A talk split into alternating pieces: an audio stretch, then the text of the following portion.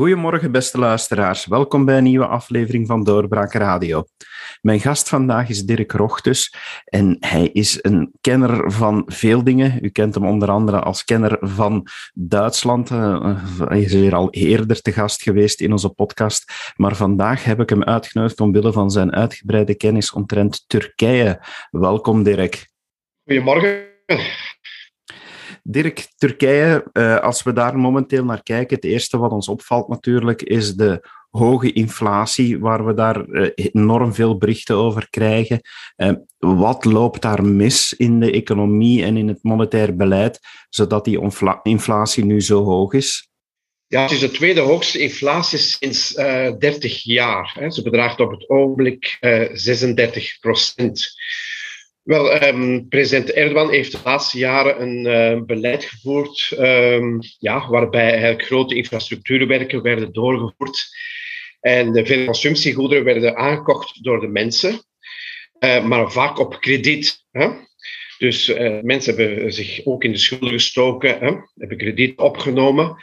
En ja, op den deur is de economie beginnen overhitten. Um, Um, en daarnaast heb je natuurlijk ook nog enkele externe factoren, zoals um, de grote droog in Turkije, die ook uh, de voedselprijzen in de hoogte heeft gejaagd.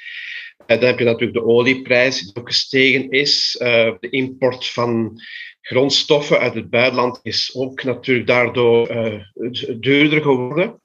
Al die factoren maken dat de inflatie is beginnen stijgen, net zoals bij ons in de westerse wereld natuurlijk. Maar in Turkije heeft die, is die beginnen galopperen, die inflatie. En uh, het heeft ook te maken met het uh, ja, beleid, het monetaire beleid van um, Erdogan. Um, normaal gezien, uh, een nationale bank zou de, de rentevoet verhogen om inflatie te bestrijden. Maar Erdogan gelooft dat je de rentevoet heel laag moet houden, Juist om de inflatie te bestrijden. Dat denkt hij tenminste. Hè? Waarmee hij eigenlijk indruist tegen alle economische wetenschap. Um, en elke directeur van uh, de Nationale Bank die ooit geprobeerd heeft om uh, de rentevoet naar boven te brengen, die werd op staande voet ontslagen door Erdogan. Want ja, in zijn ogen is lenen of, of rente is on-islamitisch, dus dat kan niet. En daarom altijd de, rente, of wil de rente laag houden, wat ook gebeurt op het ogenblik. Met het gevolg, de inflatie blijft maar stijgen en heeft nu een duizelingwekkende hoogte bereikt van 36 procent. En er zijn sommigen die zelfs beweren dat het nog hoger is, want dat Erdogan de, ja, de, de economen die rond hem staan dwingt om de cijfers nog enigszins rooskleurig voor te stellen. Ja, er is uh, weinig betrouwbaars uh, in het politieke en het economische beleid uh, van, Turkije. Um, alles wordt mooi ge, in mooie vormen gegoten, maar natuurlijk de werkelijkheid is, is veel harder en veel bitterder. Um, en ja, bijvoorbeeld het minimumloon um, heeft, heeft Erdogan ook verhoogd, maar ja, dat, dat brengt geen soelaas. Dus de prijs blijft maar stijgen. En dat is eigenlijk schrijnend als je bedenkt dat um, de helft van de bevolking eigenlijk uh, op het minimumloon uh, leeft. De helft van de bevolking. En met deze galopperende prijzen uh, leidt dit tot een enorme armoede. Hè? Dus in, in de praktijk zal de inflatie natuurlijk wel veel hoger zijn. Hè? Dat, dat klopt. Maar goed, 36% officieel dan is al erg genoeg natuurlijk. Hè? En men merkt dat ook in het dagelijkse leven Mensen in de rij om goedkoop brood te kopen. Brood is een basisbehoefte in, in de Turkse uh, keuken. Um, ja, het zijn schrijnende beelden die men, men ziet in Turkije. Hoe ervaart de Turkse bevolking dat dan? Want ja, voor hen is het heel voelbaar. Uh, vandaag opstaan en de prijzen zijn een heel pak hoger dan gisteren. Blijven zij dat zomaar slikken? Wel, de bodem begint te groeien. Hè. Zeker, zoals ik juist gezegd heb, hè, uh, mensen staan in de rij voor brood. Um, de energieprijzen stijgen. Hè. Er zijn ook koude winters in Turkije. Uh, ja, mensen weten niet uh, welke eindjes aan elkaar moeten knopen. En waar eigenlijk tot enkele jaren geleden vooral de angst heerste in Turkije. De angst om, om verklikt te worden of opgepakt te worden door de politie, begint nu de woede te groeien bij de bevolking. Ehm, we weten niet waar dat zal eindigen natuurlijk. Uh, maar het feit dat zoals aanhangers van, van, van Erdogan hun woede beginnen te ventileren, uh, dat houdt niet goed in voor uh, zijn, zijn stabiliteit, hè, voor de stabiliteit van zijn regering. Um, dus ja, uh, het zal niet lang meer duren voordat de mensen op straat beginnen te komen. Dat gebeurt nu al. Uh, ik bedoel dan in de zin van demonstreren. Hè. Uh, maar ja, het blijft tot nu toe vooral bij afzonderlijke acties en, en, frustratie. Maar je weet natuurlijk niet, als het zo verder gaat, in welke mate het dan zal escaleren. Het is wel zo dat uh, de oppositie natuurlijk uh, bloed ruikt, om bij wijze van spreken. De oppositie van, van de CHP, dat is de Kemalistische partij, uh, en nog de andere partijen, de, Partij van het Goede en ook de pro-Koerdische partij, die vormen samen eigenlijk een, een blok. Als ze naar de verkiezingen zouden, zouden ze aan één zeel trekken. Wel, die, die oppositie roept nu al om vervroegde verkiezingen. De verkiezingen zouden normaal gezien in 2023 plaatsvinden. Maar de oppositie, ja, die denkt van het zou beter zijn als we nu al verkiezingen organiseren. En als dat zou zijn, dan is de kans heel, heel groot dat um, Erdogan uh, het onderspit zal delven. Bestaat die kans nog altijd in Turkije, Turkije zoals het vandaag is, dat de oppositie daar nog een faire kans krijgt? In het verleden is dat niet gebleken natuurlijk. Eh, Erdogan heeft altijd het staatsapparaat kunnen gebruiken om propaganda voor, voor zijn politiek en voor zijn partij te voeren tijdens de verkiezingen. Um, en hij zal natuurlijk, stel dat er een vervroegde verkiezing komt, maar hij verzet zich daartegen natuurlijk. Uh, maar stel dat ze er toch zouden komen, dan zal hij natuurlijk alle middelen van de staat aanwenden uh, om, om de oppositie te dwarsbomen. Uh, de, de, de media's en staatszenders staan onder zijn controle. Dus um, dat voordeel heeft hij natuurlijk. Hè. Um, eigenlijk zijn er maar twee manieren om, om Erdogan um, aan de dijk te zetten. En dat is ja, enerzijds de, ofwel de verkiezingen, voor zover dat die vrij zouden verlopen, of anderzijds een ingrijpen van het leger. Dat is de enige manier. Ik geloof niet dat de bevolking in staat zal zijn om Erdogan op de knieën te brengen. Ook als er massale demonstraties zouden komen, dat zal niet lukken. Tenzij dat als er een grote stakingsgolf zou, zou volgen, die, die meerdere weken zou duren, hè, dan, dan zou het misschien mogelijk zijn om Erdogan um, aan de dijk te zetten. Maar zoals er nu voor staat, zijn er maar twee mogelijkheden. Ofwel verkiezingen, met daarbij de kanttekening dat hij natuurlijk nog alles zal doen om uh, die oppositie um, of de tegenstander ja, te, te kortweken en te bedriegen eigenlijk, de bevolking te bedriegen, ofwel leger. Dat is zo in een autoritair regime, of in een dictatuur. We kunnen verschillen van definitie wat het is in Turkije, maar het is in ieder geval een autoritair regime, of autocratisch. De enige manier om een, een autocratische heerser um, te val te brengen, dat is een militair ingrijpen. Dat heeft de geschiedenis ons ook geleerd. Dus de enige die effectief de middelen hebben om, om Erdogan vlug aan de dijk te zetten, uh, dat zijn de militairen of de generaals. Maar het probleem in Turkije is dat ook het leger onder zijn controle staat. Hij heeft dat ook helemaal uh, naar zijn hand gezet. Hij heeft uh, Kemalistische generaals vervangen door ja, toch uh, hem welgezinde generaals. Hè. Dus dat is eigenlijk de enige mogelijkheid. Natuurlijk, uh, ook al mag het leger dan nu volledig onder controle staan van, van Erdogan, je weet natuurlijk nooit dat er toch enkele dissidenten zullen uh, opstaan. Hè? Dat kan altijd. Maar dat is natuurlijk een werk van lange adem om voor die, die dissidente generaals om de nodige officieren en manschappen rond zich te scharen. En dat moet allemaal in het grootste geheim plaatsvinden. Dus zoals er nu voor staat, ja, de bevolking, eh, de woede bij de bevolking groeit. De aanhang van Erdogan is verschrompeld tot, volgens opiniepeilingen in november, tot 33 procent, waar hij in het verleden bij verkeer tot tegen de 50 procent Dat zijn wel opiniepeilingen in november, dus we zijn nu twee maanden verder. Dus de kans is heel groot dat hij nog minder um, aanhang zou hebben op dit ogenblik. Waarbij we dan ook niet weten in hoeverre die polls betrouwbaar zijn. Want veel mensen natuurlijk, als ze ondervraagd worden, uit angst willen ze zeggen dat ze nog voor Erdogan zijn. Hè. Dus de kans is heel groot dat er nog veel, veel minder uh, mensen zijn die, zijn politiek dragen. Hè. Je hebt natuurlijk altijd de hardleersen en de heel overtuigden, maar de aanhang is enorm aan het verschoppelen. Maar ja, goed, wat kan, wat kan er gedaan worden? Uh, ja, hij kan altijd een noodtoestand uitroepen. En dan de militairen die toch nog altijd onder zijn gezag staan, die inzetten tegen uh, demonstraties en uh, de bevolking. Hè? Dus uh, er zijn nog heel wat onzekere factoren. Hè? Ik zie eh, ja, natuurlijk, als ik het juist gezegd heb, één grote stakingsgolf van meerdere weken of zelfs maanden. Maar ja, dan gaat heel het land de dieperik in. Dan krijgen we toestanden zoals in de jaren 70, hè, toen, Turkije als het ware een derde wereldland was. Uh, en dat is ook niet goed voor de regio en, in het algemeen. Dus ja, het is heel bedenkelijk wat er nu aan het gebeuren is. Met een sterke autocratische leider komt het gevaar voor die leider, heel vaak uit zijn eigen omgeving. Is er momenteel een sterke tweede man die achter Erdogan staat en die hem wel eens opzij zou kunnen duwen? Wel, Erdogan heeft het altijd zo gespeeld dat uh, niemand uit zijn omgeving is kunnen groeien hè, naar een volwaardige ja, rol. Hè.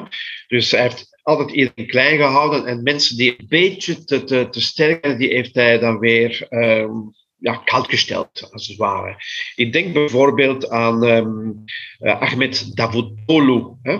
Davutoglu was uh, aanvankelijk is begonnen als professor internationale politiek en is uh, dan later minister van Buitenlandse Zaken geworden en daarna premier. Hè, minister, premier. Um, maar die is in 2016 door Erdogan uitgerangeerd. En waarom? Omdat Davutoglu eigenlijk, ja, die was heel populair en ook in het Westen zeer graag gezien. Dat was een man van, van de wereld. Hè. Dat was eigenlijk een sterke figuur. Uh, en Erdogan kon dat niet pruimen en heeft, uh, heeft Davutoglu uh, opzij geschoven. Uh, dat was eigenlijk de enige die, die min of meer kans maakte om, om door te groeien tot een, een volwaardige uh, leidersrol. Maar dat is dus niet gelukt. Hè. Erdogan houdt iedereen uit zijn omgeving klein, omringt zich ook met um, familie, hè, dus heel wat uh, belangrijke posten binnen de regering of, of bij grote instellingen in Turkije zijn bezet door familieleden, schoonbroers of, of schoonzoons. en voor de rest ook veel ja-kikkers. Natuurlijk, uh, het is nooit uitgesloten dat er ja, een, een, een dissident opstaat, hè, maar, maar die zal het toch heel moeilijk hebben. De meeste hm, AKP-mensen, de AKP is de partij van Erdogan, ja, die weten dat hun lot afhangt van Erdogan. Hè. Die weten als hij ten val komt, dan worden zij meegesleurd. Hè. Dus zij zullen alles aan doen, bij ruggengraat, om um, zich uh, rond hem te scharen en, en, vast, zich vast te klampen aan hem. Hè.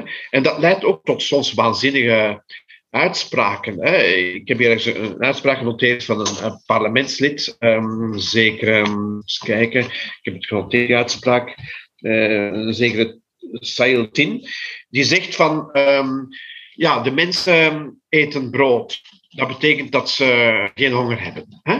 Toen een beetje denken aan de uitspraak van Marie-Antoinette uh, vlak voor de Franse Revolutie. Als mensen honger hebben, geeft ze dan een, een, uh, een croissant of zo. Hè? Precies wat ze toen gezegd heeft. Van, ik bedoel, die uitspraak van Marie-Antoinette is, is gedocumenteerd het is eigenlijk een karige toestand. We zitten eigenlijk in Turkije in een toestand zoals vlak voor de Franse Revolutie. Ehm, dus ik sluit niet uit dat er inderdaad revolutionaire onrust groeit. Alleen, ja, dat zijn de factoren die dat um, begunstigen, inderdaad de, de, de omslag maken. In welke mate kan dat allemaal gevolgen hebben voor de hele regio en zelfs tot hier in Europa? Uh, de Amerikaanse president Joe Biden heeft onlangs nog gezegd dat uh, Erdogan eigenlijk voor, of Turkije onder Erdogan, voor instabiliteit zorgt in de regio, meer bepaald wat, betreft uh, Syrië. Dus Turkse troepen hebben een groot gedeelte van Noord-Syrië onder hun controle gebracht. En hebben daar een soort um, warlords um, geïnstalleerd. Hè. Zo van die jihadistische groepen die eigenlijk die door Turkije gecontroleerde gebieden um, beheersen. Um, ja, de vraag is natuurlijk, wat gaan die jihadistische groepen, die dus geallieerd zijn met Turkije, wat gaan die doen? Want Turkije heeft in uh, die uh, Noord-Syrische gebieden, um, die vaak ook afgepakt zijn van de Koerden trouwens, hè, zoals Afrin, Turkije heeft daar Turkse lieren ingevoerd. Hè? Uh, dat is eigenlijk een beetje het, het uh, ironische. Uh, ja, die, die jihadistische groepen, in het begin waren die natuurlijk heel blij. van, we hebben hier de Turkse leren. En, maar ondertussen, ja, met de inflatie is die Turkse leren niks meer waard. Hè. En die jihadisten betaald worden in Turkse leren, ja, die beginnen ook te morren. Hè. die beginnen zelfs in die bezette gebieden te plunderen, voor zover als het niet al weggeplunderd is natuurlijk. Hè. Maar het zou wel eens kunnen dat die jihadistische groepen eigenlijk de duur ook in opstand komen tegen dat Turkse, uh, tegen Turkse uh, patroon. Hè? Uh, dus Syrië is al een, vraagteken. Hè? wat gaat daar verder gebeuren? Bovendien probeert Erdogan tweespalt te zaaien onder de Koerden. Hè? In Noord-Syrië hebben we ook een, gebied dat bestuurd wordt door de Koerden, hè, de Syrische Koerden. Zover het niet afgepakt is door Turkse troepen. Maar je hebt dan ook in Noord-Irak ook nog Koerdische gebieden in de gebieden van Noord-Irak, het korte gebied van Noord-Irak, um, heeft een, min of meer een bondgenootschap met Turkije. Terwijl de Koerden Noord-Syrië, ja, die, die, ja, die, die zijn tegen, tegen Erdogan, of Erdogan beter gezegd, is tegen die autonomie, de Noord-Syrische Koerden. En hij probeert ook twee spalt te zijn tussen de, Syrische Koerden en de Iraakse Koerden. Dat heeft hij bijvoorbeeld gedaan uh, op 25 december, terwijl wij hier hè, kerstmis aan het vieren waren en de westerse wereld met niks anders bezig was. Hebben Turkse uh, vliegtuigen uh, een luchtaanval uitgevoerd op de stad Bade. Dat is een, stad in Noord-Syrië, die in handen is van, van de Syrische Koerden. En daarbij zijn ook vijf uh, jongeren gedood. Het was echt, een doelgerichte actie. Hè? En op die manier wil eigenlijk uh, ja, Erdogan kwaad bloed onder de Syrische Koerden. Hè, van, waarbij dan eigenlijk ja, de spanningen beginnen te lopen tussen de Syrische Koerden die ontwaardigd zijn dat de Iraakse Koerden nog altijd aan hetzelfde zeel trekken als, als Erdogan. Hè. Dat is Syrië, dat, blijft een probleemkind. Um, maar daarnaast probeert Erdogan toch een beetje af te leiden van zijn uh, desastreuze binnenlandse politiek door uh, ja, hier en daar een opening te maken. Dat probeert hij. Hè? Bijvoorbeeld met Armenië. Um, hij heeft uh, gesprekken aangenomen met Armenië. Uh, het is zo op dit moment dat Turkije de grens, zijn oostelijke grens dus met Armenië heeft gesloten. Um, maar ja, Erdogan spiegelt de Armeniërs voor, ja, uh, we kunnen die, die grens toch openen, maar zijn voorwaarden aan verbonden. Uh, wat, wat beoogt uh, Erdogan? Wel, um, hij is natuurlijk een goede maatje van Azerbeidzjan. Azerbeidzjan, oostelijk buur van Armenië, dat is, uh, is eigenlijk een Turkstalig volk. Daar woont een Turkstalig volk in Azerbeidzjan. Turkije ondersteunt Azerbeidzjan. En uh, Azerbeidzjan heeft ook een enclave um, aan de grens met Turkije. Maar, maar, dat betekent eigenlijk een enclave dat als je van het stamland Azerbeidzjan naar die Azeri-enclave uh, wil gaan, dan moet je door Armenië gaan. Hè? En dus eigenlijk wil um, Turkije dat er een, een soort corridor komt van Nakhichevan, zo heet die uh, enclave van Azerbeidzjan aan de grens met, met Turkije, die wil dat er een corridor komt van Nakhichevan naar Azerbeidzjan zelf. Die corridor zal lopen door Armeens grondgebied. Armenië moet daarvoor zijn toestemming geven. En um, Erdogan spiegelt de Armeniërs voor, ja, geef ons die corridor en dan zullen wij de grens uh, met Armenië openen. Wat de Armeniërs eigenlijk graag zouden hebben, om, omwille van de handel hè, en de plaatselijke economie. Dus op dat vlak probeert hij wel een opening te maken. Hè? En, en, maar dat zou natuurlijk een enorm voordeel voor, voor Turkije hebben, in die zin dat uh, Turkije dan een link heeft, niet alleen met Azerbeidzjan, maar via Azerbeidzjan met de rest van, van de Turktalige wereld. Want ten oosten van, van Azerbeidzjan en de Kaspische Zee begint een gebied, hè, de voormalige eh, Sovjetrepublieken Turkmenistan en Kazachstan en, en Oezbekistan, waar ook vele Turkstalige minderheden of groepen wonen. Dus op die manier zou Turkije eigenlijk een, een link krijgen naar die Turkstalige wereld en naar de zijderoute die uh, daar loopt met, met China. Hè? Dus dat zou wel interessant zijn voor Turkije. Dus als zij daarin slaagt, dan is dat natuurlijk een, buitenlandpolitiek succes.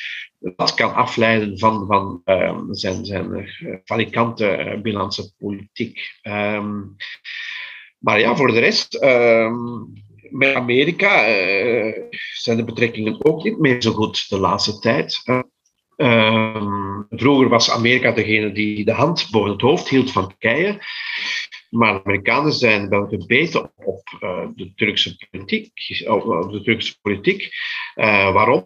Wel, um, Turkije had uh, Amerikaanse jets willen kopen, de F-35.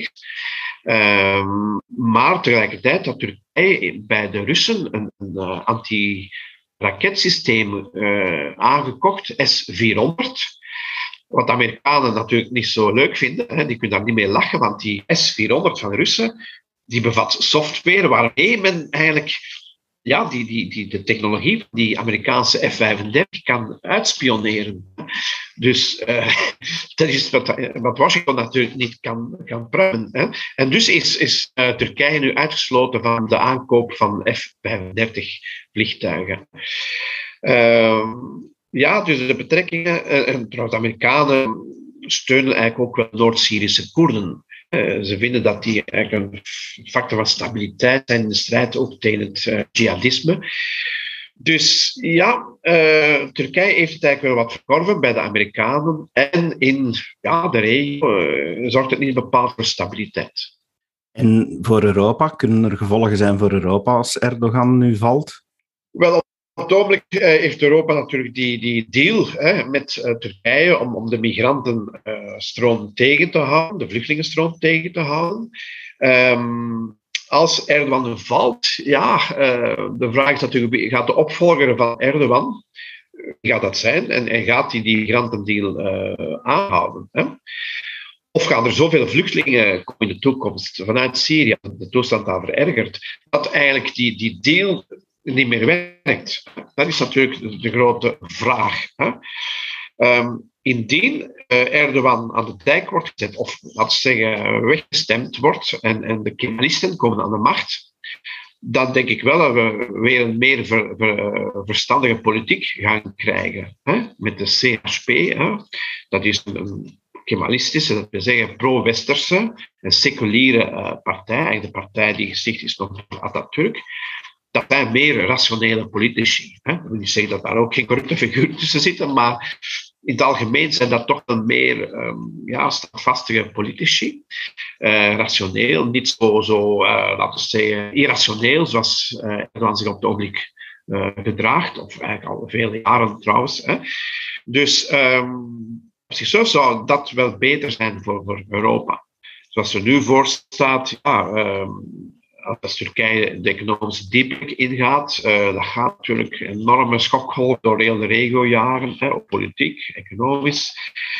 Dus ja, ik kan alleen maar uh, beter verwachten van een, een uh, regering, voor zover dat die ooit aan, de macht zou kunnen komen.